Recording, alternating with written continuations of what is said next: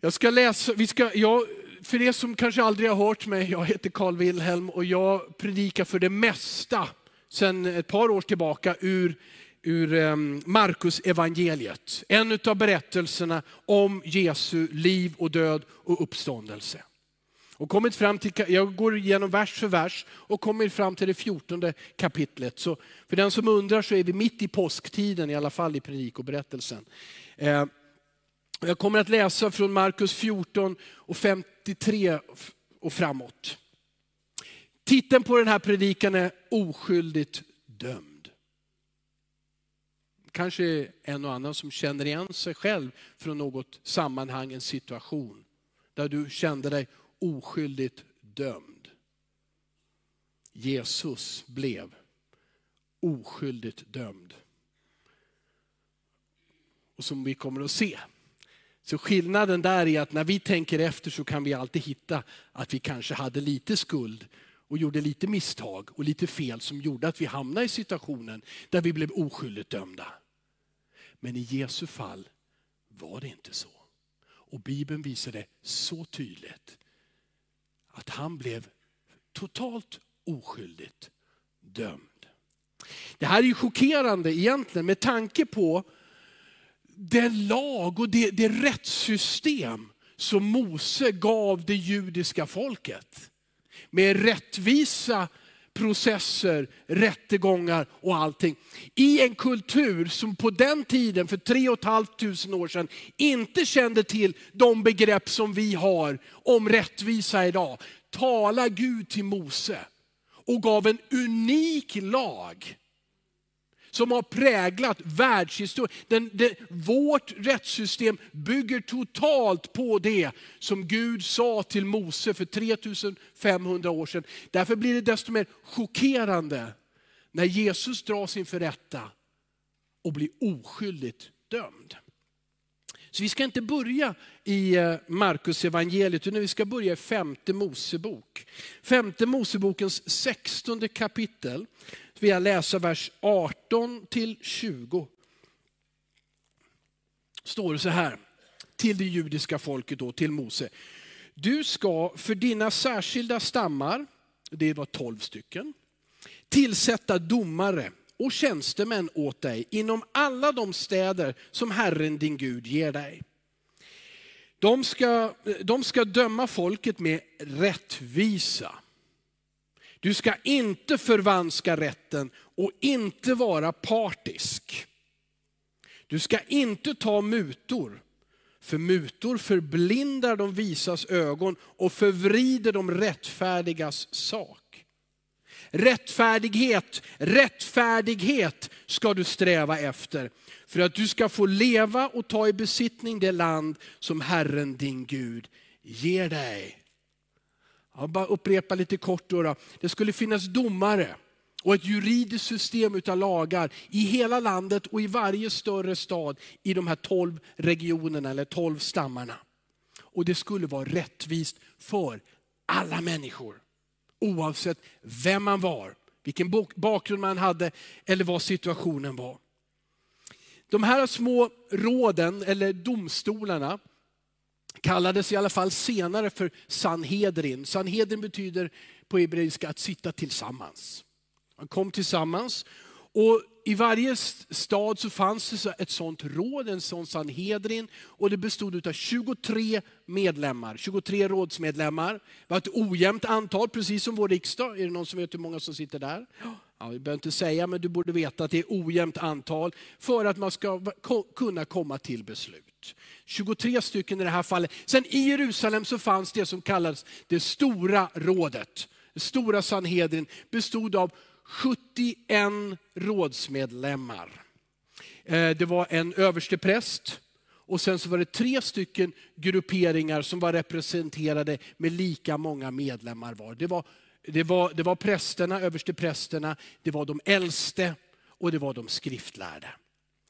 Och varje judisk medborgare hade rättigheter i samband med brottsmål. Varenda en. De hade rätt till en offentlig rättegång, ingenting i skymundan. Eh, det skulle finnas en offentlig försvarare, det vill säga en advokat. Och man skulle enbart kunna dömas på minst två eller tre vittnesmål. Det gick inte för en person att berätta någonting om någon annan och så blev han, dömd, han eller hon dömd för det. Och faktum är att i första Mosebok 19 och vers 15 och sen vers 18 så talar det också väldigt tydligt om vad, vad konsekvenserna är om du vittnar falskt inför rätta och det, det, det bevisas att du har vittnat falskt. Då kommer samma straff tillvisas dig som den som du försökte få fälld på, på, på fel grund. Och Det är i det sammanhanget som, som det står öga för öga, tand för tand. Ja, det du vill åsamka någon annan av lögn, om det upptäcks, då tilldelas det dig. Förstår ni? Det är tre och ett halvt tusen år sedan. Det här är så långt ifrån vår verklighet så det är helt ofattbart. Men där lades en grund till rättvisa i vårt samhälle och till en rättvisa som Jesus borde ha fått men inte fick. Dessutom kan man göra de här tilläggen. Då. Det skulle gå minst en dag. Men framförallt i, man tilldömde även dödsstraff. Och då skulle det gå minst en dag mellan rättegång och utförande utav dödsstraffet. Dessutom så skulle domarna, hör och häpna, de skulle fasta under den rättegången.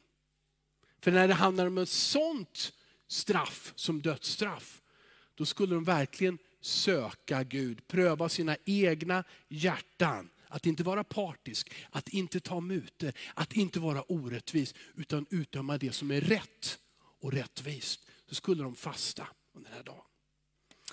Så en judisk medborgare skulle kunna lita på ett rättvist system om de anklagades för ett brott. För Jesus var det tvärtom. Varför?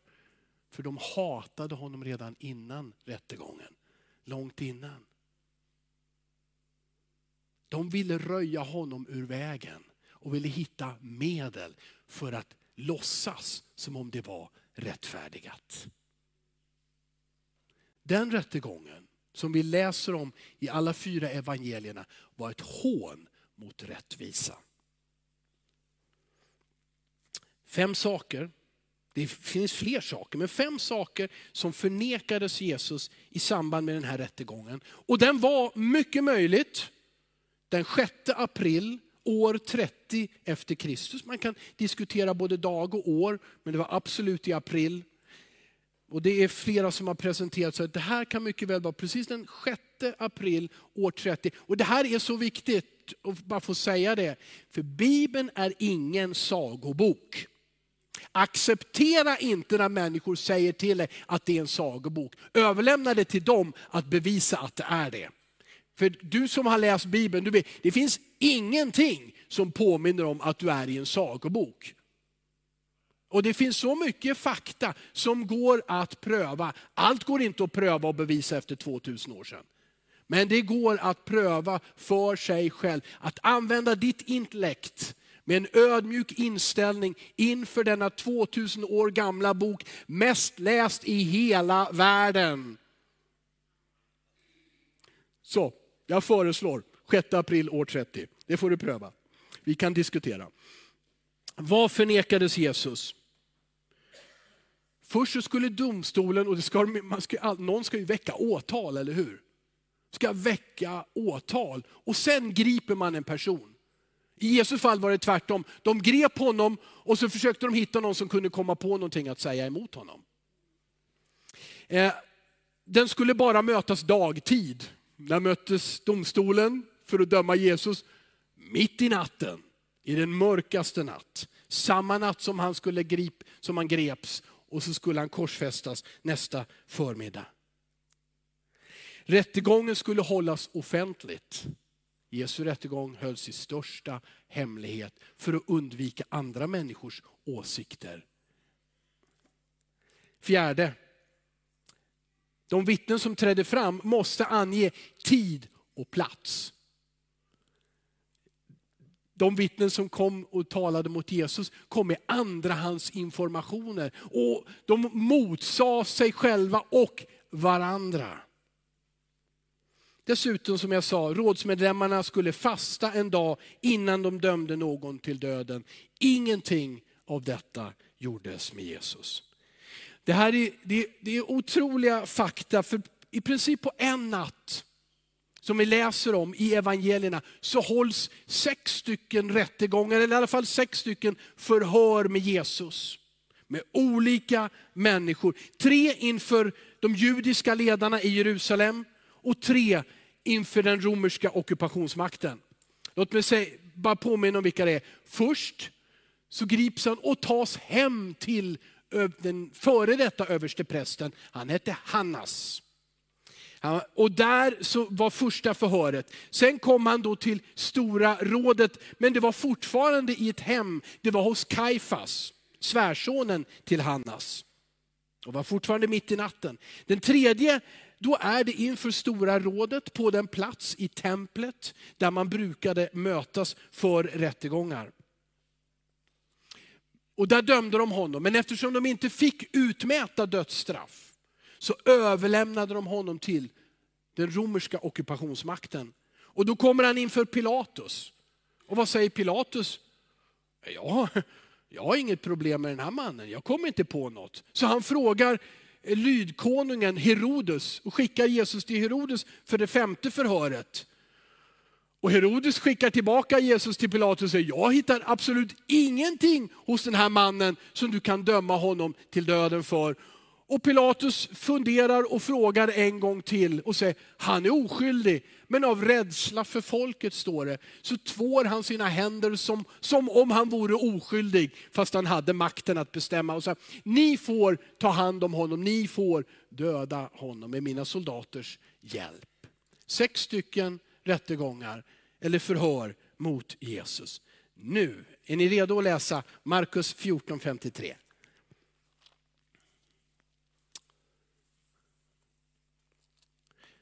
Markus 14 och så läser vi vers 53.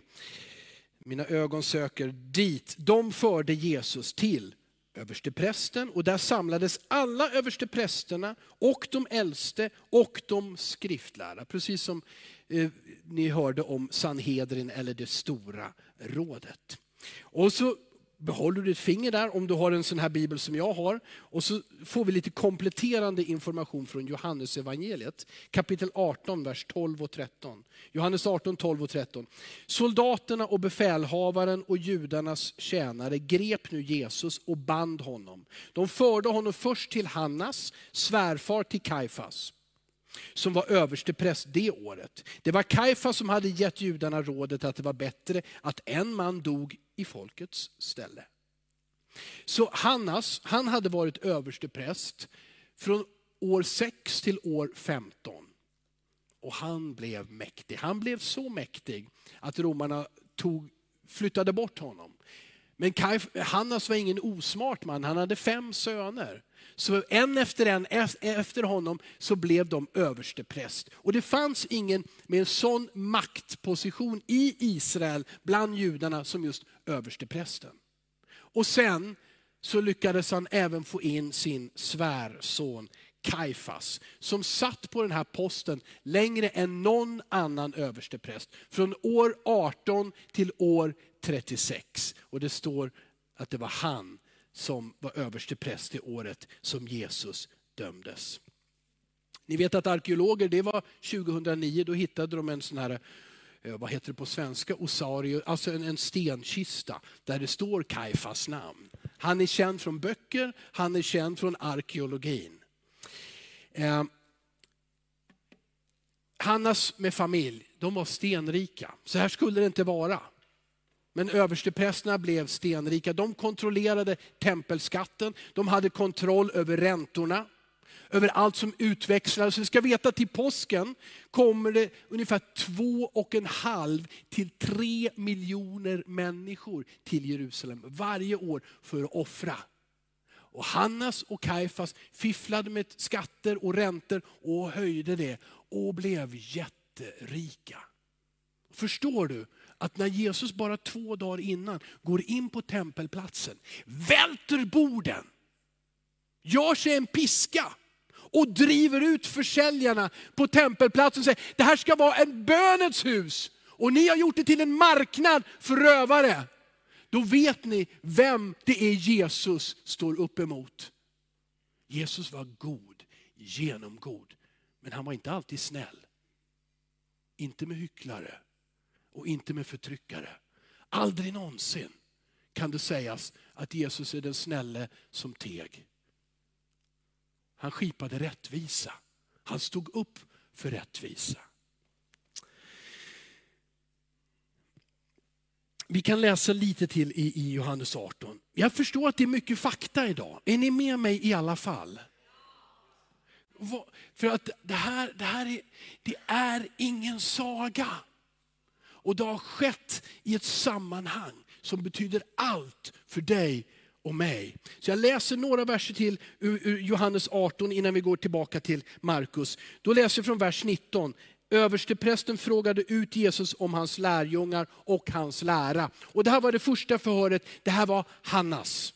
Det var han som ville ta reda på, hur många efterföljare har du egentligen? Förstår du? Han ville bedöma, vad är möjligheten att ta fast Jesus och hur många tusen kommer att protestera? Och så ville han fråga honom om hans lära, för han ville hitta någonting där han kunde fälla Jesus och säga, han har hädat, han har sagt och undervisat fel.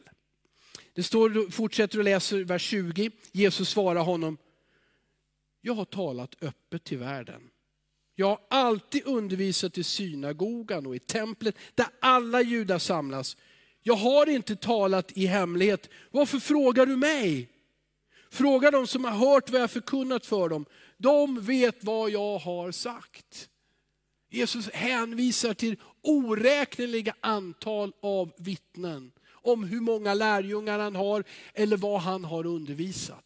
Och översteprästen själv har haft gott om tillfälle att lyssna på dagtid när Jesus undervisade till alla. Men nu i sitt hus i hemlighet vill han veta och ställer krav till Jesus. Vers 22, när Jesus sa detta gav en av tjänarna som stod där honom ett slag i ansiktet och sa, ska du svara översteprästen på det sättet? Jesus svarade, har jag sagt något som är fel så säg vad som är fel. Men om jag talar sanning, varför slår du mig? Då skickade Hannas alltså honom bunden till översteprästen Kaifas. Där följer alltså sex stycken korsförhör och om och om igen misshandel. Men Jesus var oskyldig. Och till och med i den mest extremt pressade situation så hittar han inte genvägar. Ljuger inte. Begår inga fel. Han är oskyldig rakt igenom och så är hans handlande. Och jag vet att jag aldrig skulle klara det Jesus klarade. Och jag vet att ingen av oss skulle klara det på det sättet. Men Jesus var den han var. Han var sig själv. Han var Guds son och han var oskyldig. Och jag tycker det, här, det är värt att betona det här. Du som har läst Bibeln, den är skriven över 1500 år. Okej? Okay? Beskrivelserna om människor, riktiga hjältar. David, Mose, Debora, Petrus, Paulus. Hur många av dem framställs som felfria och fläckfria? Är det någon enda i Bibeln som hyllas antikens gudasagor och hjälteberättelser var fulla av perfekta människor och halvgudar som inte gjorde några fel. Varenda människa i Bibeln, även om de var fantastiska hjältar som Gud hyllar och säger, det här är människor ni ska följa efter. Alla beskrevs också med sina synder och fel, med sin bräcklighet och brustenhet.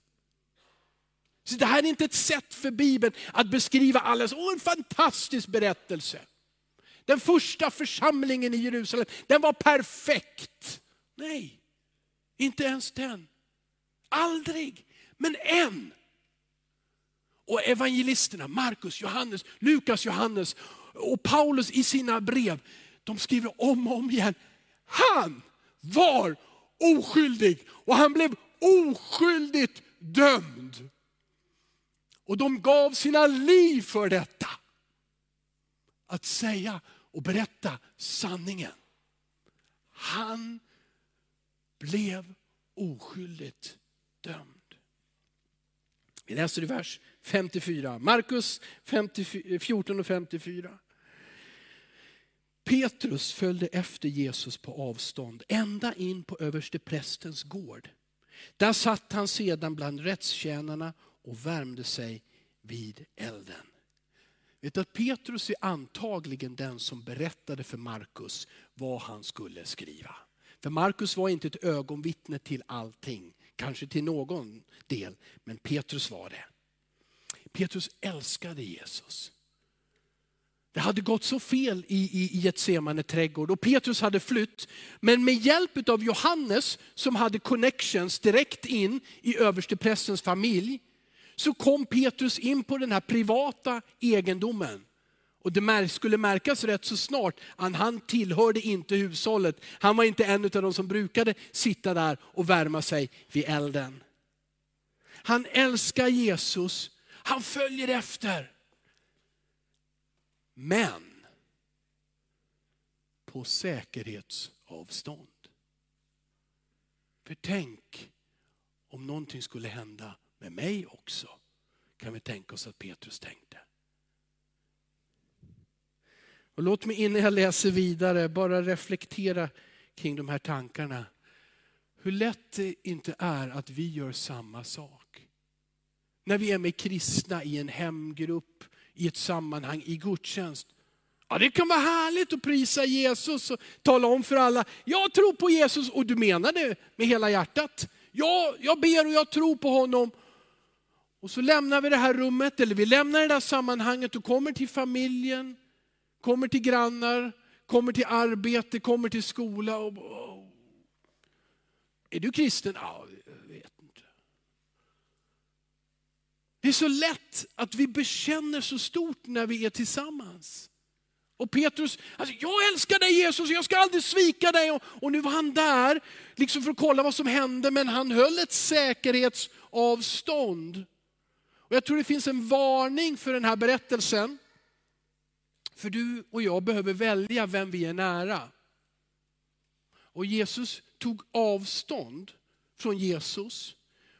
Med vem hamnade Jesus? Eh, med vem hamnade Petrus? Så att han hamnade bland rättstjänarna. Det var de som hade gripit Jesus och som slog honom och misshandlade honom och tog honom till bödlarna.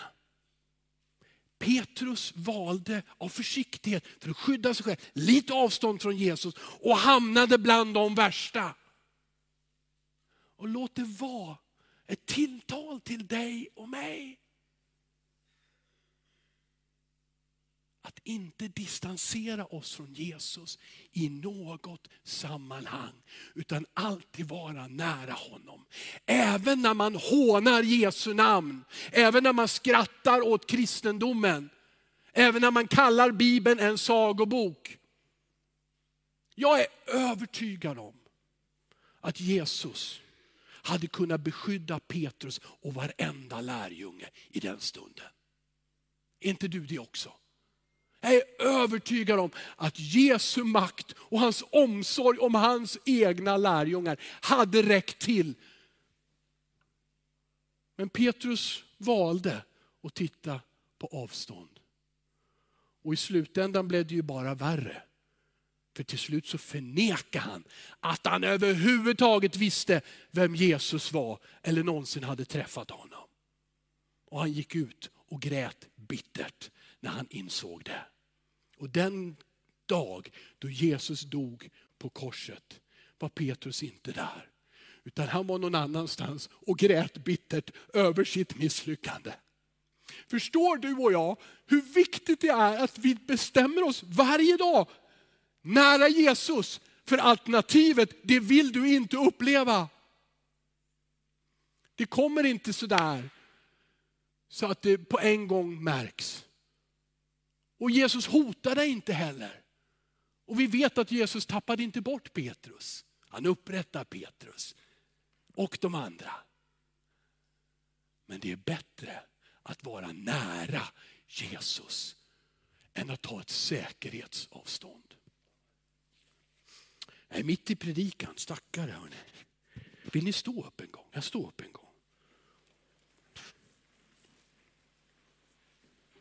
Jag ber en kort bön. Jesus, hjälp mig och hjälp oss Herre. Att leva nära dig. Inte så mycket av rädsla för allt det otäcka som kan hända, utan för att du ger skydd och du ger kärlek och du ger frihet och du ger mod att vara oss själva. Att stå upp för det som är rätt Herre. Så om vi hamnar i en sån situation som Petrus, Herre då vill vi leva nära dig, hålla oss till dig. För vi tror att du och den heliga ande, du är med. Och du Jesus lovade att om vi dras inför rätta, oskyldig grund, så ska vi inte ens förbereda oss, utan den heliga ande ska lägga ord i vår mun som vi ska få tala. Du är verkligen med oss här Jesus. Jag ger mig själv, jag tror att vi alla vill ge oss själva till dig igen och säga, jag vill vara nära dig Jesus. Amen. Amen. Nu fick vi både stå upp och sitta, och sitta ner och, och be en bön. Markus 14 och 54. Okej, okay, nu ska vi höja tempot lite grann här. Eh, då står det så här i vers 54. Eh, den har jag ju läst precis, så då, var ju, då är det 55. Titta vilken tur ni har. Då står det vers 55, översteprästerna och hela stora rådet försökte få fram ett vittnesmål mot Jesus för att kunna döma honom till döden, men de fann inget. De hade ingen åtalspunkt förberedda. Det måste finnas i rättvisa en formulerad åtalspunkt. Men den hade de inte, utan de ville bli av med honom, försökte hitta någon under rättegången, men misslyckades. Vers 56-59. Många vittnade falskt mot Jesus, men deras vittnesmål stämde inte överens. Och det är inte så konstigt, eller hur? När man ljuger, hittar man någonsin kan man få någon slags enhet när alla håller på och ljuger? Aldrig någonsin. Och det gjorde de inte där heller. Vers 57, då trädde några fram och vittnade falskt mot honom och sa, vi har hört honom säga, jag ska riva ner det här templet som är gjort av människohand och på tre dagar bygga upp ett annat som inte är gjort av människohand. Varför säger de sådär om templet? Att, att skända ett tempel, det var absolut eh, Eh, ett brott i hela antika världen. Eh, inte bara hos judarna. Eh, tänk på när Paulus predikade i Efesos och massor med människor kom till tro på Jesus och lämnade sin gamla religion. Då fanns det silversmeder som gjorde små attiraljer, små tempel och små Diana-figurer eller Artemis-figurer som de sålde. Men försäljningen gick dåligt i Efesos. För det var så många som blev kristna och sa, vi behöver inte massa plockepinn för att tro på Gud. Vi behöver inte massa symboler, och stenar och, och silver och, och sånt där. Utan vi tror på en Gud som hör våra böner när vi ber. Och vi, han är inte gjord av mänsklig han, han är Gud. Han är ande, vi bara tillber honom. Ja, men vad hände? Resultatet blev försäljningen gick ner. Och Demetrius heter en man, hette en man i Efesos, han var silversmed. Han fick ihop de andra. Han fick till ett upplopp. 25 000 människor samlades för att lyncha Paulus och hans medarbetare. Också där i en skenrättegång till Gud genom människor grep in. Men så här var det alltså att, att skända ett tempel på något sätt. Och Jesus skulle säga, jag ska riva ner det här templet. Det var att, att skymfa templet. Men hörni, två saker. Ja, du säger det här, Jesus, om du läser bibelstället så säger Jesus aldrig det. Han säger aldrig, jag ska riva ner det här templet. Han säger i Johannes 2, riv ner det här templet så ska jag bygga upp det på tre dagar. Och så står det, detta sa han om sin kropp. Han talar om det templet. Och han sa inte, jag ska riva ner, jag ska ta livet av mig eller jag ska förstöra en byggnad. Han sa aldrig det. De vittnade falskt, de förvrängde sanningen och vittnade falskt. De rev ju ner Jesu kropp. De slet nästan isär den med den tortyr och den misshandel som skedde innan de hängde upp honom på ett kors. Och där, alla var överens om, där dog Jesus. Okej? Okay? Ursäkta att jag säger det jag säger, men här accepterar vi ingen lögn från Koranen. Jesus dog på det korset. Det var ingen skendöd. Han var död så död man kan vara. Han dog där. Man bröt ner hans kropp.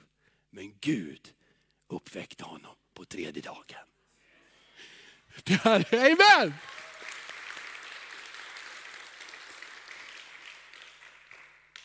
Ja nu, vers 60. Då reste sig översteprästen och steg fram och frågade Jesus, svarar du inte på vad de vittnar mot dig? Men Jesus var tyst och svarade inte. Enligt rättspraxis så är det inte den, åklagades, den, ank, den anklagades roll att komma fram med bevisen, eller hur? Ja, det, är inte, det är inte jag som, ja men jag gjorde det där för det där, ja då dömer vi dig nu. Nej, det var åklagarens roll. Men översteprästen hittar inga sanna vittnesbörd så han frågar Jesus, kan inte du ge oss någonting som vi kan smälla till dig för? Och dessutom så måste det vara två eller tre vittnen, så det funkar inte ens på det sättet att Jesus skulle ha sagt, ja jag har sagt det där och så gjorde jag det, åh det var fel, då dömer vi dig till döden. Det funkade, fick inte fungera så enligt rättspraxis, utan någon måste vara där och säga, ja jag har hört vad han har sagt. Förstår ni? De hade absolut möjligheten att idiotförklara Jesus. Han säger massa saker om sig själv. Ja, jag skickar honom hem till mamma och pappa eller till ett hem. Stäng in honom. Men det nöjde de sig inte med för de var ute efter något annat. Vers 61. Jesus var tyst och svarade inte. Återigen frågade översteprästen, är du Messias, den välsignades son? Och enligt Matteus evangeliet så säger översteprästen, jag besvär dig vid den levande guden att säga oss om du är Guds son. Får du ta en gammal amerikansk film där man la handen på Bibeln och säger, jag svär att säga sanningen. Han, säger, han lägger en ed på Jesus, du måste säga oss sanningen. Är det svårt för Jesus att säga sanningen? Aldrig. Skulle han av rädsla eller taktik undvisa, und, undvika att säga sanningen? Aldrig. Vi läser hans svar. Jesus svarade, vers 62, jag är. Det är det namnet som Gud gav sig själv när han talade till Moses. Jag är. Är du Messias, den välsignade son, Guds son? Jesus svarade, jag är. Det finns teologer som hävdar att Markus evangeliet i Markus evangeliet säger Jesus aldrig att han är Messias och Guds son. Han säger, jag. Det är Josh McDowell har sagt, det här, det här är så tydligt och klart som det, du går ut på en regnfri, solig dag och säger, jag ser inte solen. Jesus säger, jag är.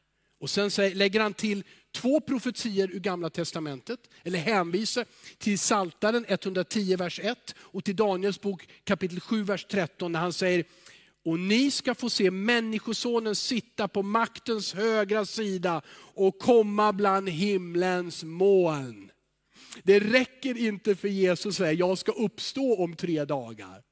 Han säger, jag ska komma tillbaka. Det som varje troende väntar på. Att få se Jesus komma bland molnen över skyarna. Han kommer för att döma levande och döda. Han är Guds son som sitter på Faderns högra sida. Som har gett sitt liv för varje människa. Som har betalat med sitt liv och sitt blod för att rena oss. Han ska komma på skyarna och alla ska se honom. Jesus är som blixten, går från öster till väster så ska alla veta nu kommer han. Och Jesus säger det, ni ska själva se människosonen komma på skyarna.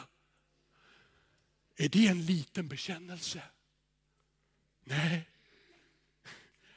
Jesus svarar alltid på sanningen. Alltid. Inte en enda gång ljög han eller lämnade det som han skulle. Oj, oj, oj, kära Jesus. Vers 63, 64. Vi är väldigt nära slutet. Då rev översteprästen sönder sina kläder och sa, behöver ni fler vittnen? Och det här med att han rev sönder kläderna, egentligen så, så, så, skulle han bara rivit, ofta rivit sönder en liten bit, en tygbit av sin mantel. Men när det var en hädelse, då fick översteprästen faktiskt riva sönder sina kläder. Men kom ihåg, det här är en rättegång. Om Jesus säger någonting där som leder till en fällande dom, då skulle översteprästen vända sig till stora rådet och säga, okej, okay, vilken dom fäller ni? Så skulle de dra sig tillbaka och diskutera och så komma och så presentera sin dom. Översteprästen har ingenting till övers för detta. Han river sina kläder och skriker själv ut, detta är hädelse, ni har hört det, vi behöver inte ett enda vittne. Och dömer honom och alla som var där instämde och dömde Jesus. Är det här verkligen en högsta domstol?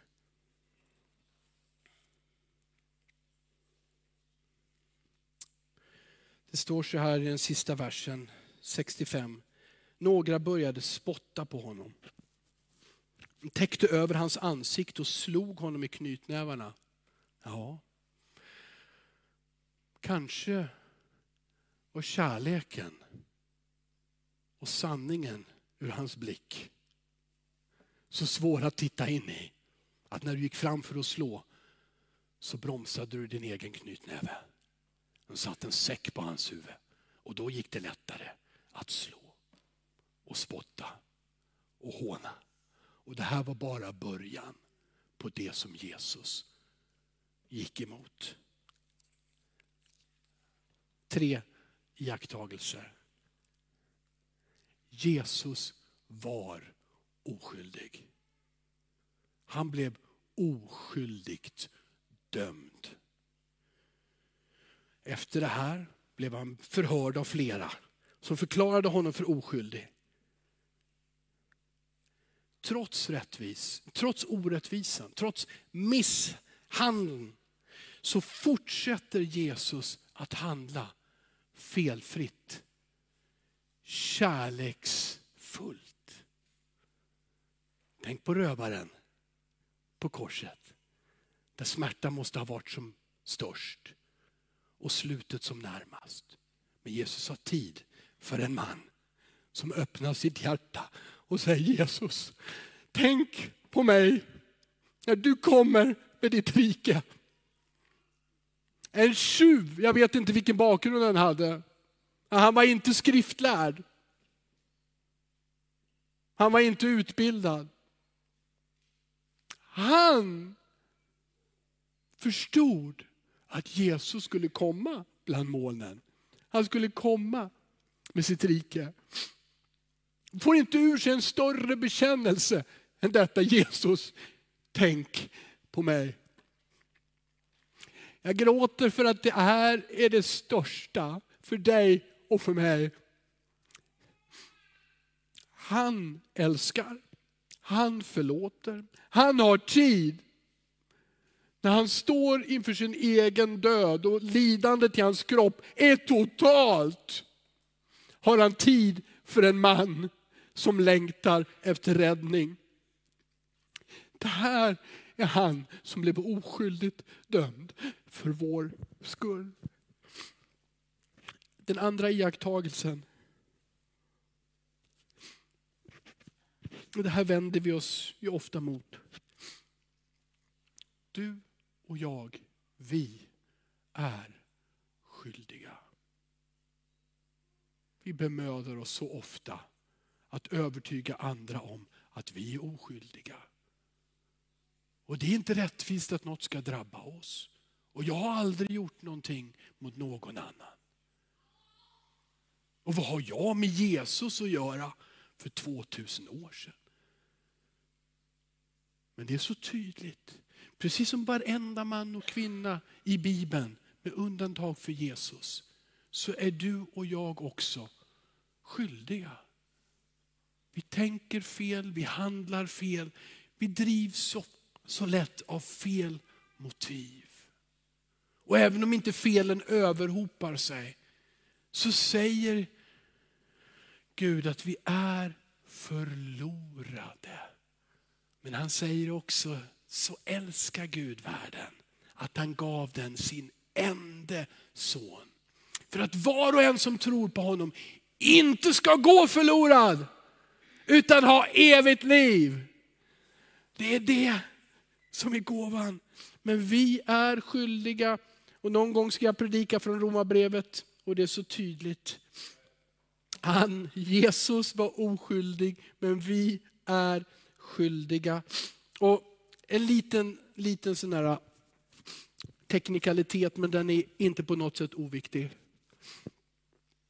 De som har förvanskat kristendomens budskap genom århundraden och delvis fortfarande gör det. De tycker om att söka skuld och säga att det är judarnas fel att Jesus dog oskyldig.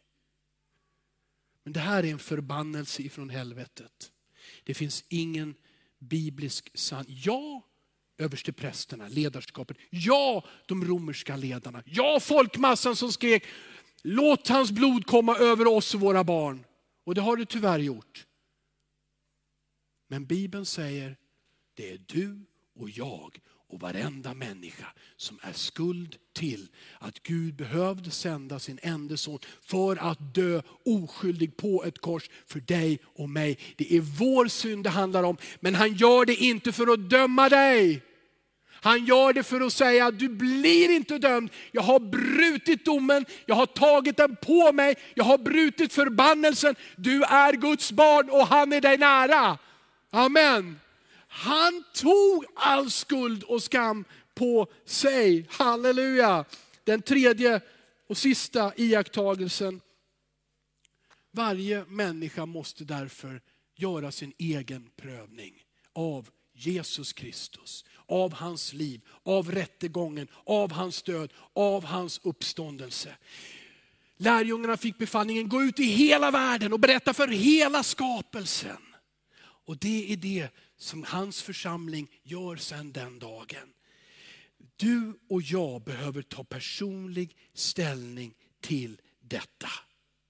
Alla får del av nåden och förlåtelsen. Men det börjar med att lära känna Jesus Kristus och ta ställning till vem han är och om du tror på honom. Och det är ingen dum sak. Du är inte dum om du väljer att läsa fakta och vittnesbörd och berättelser och säga, det här kan vara sant.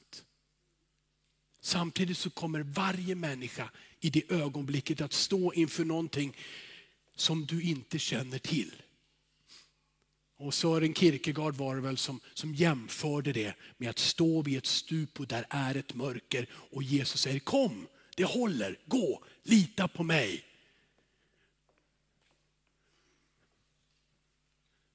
Ska jag ta ett steg? Det är tron. Och du tar det steget. Och det är inte omöjligt att i den första sekunden så tror du, tycker du att du faller det här håller inte. Jag var den dummaste som trodde på sånt här. Sagor och hopkok. Det håller inte. Men om du vill uppleva Guds verklighet, din själs frälsning, förlåtelse och rening, då behöver du ta ett steg i tro och lita på honom. På Jesus som har dött för dig och mig. Vad gör du och jag med Jesus? Amen.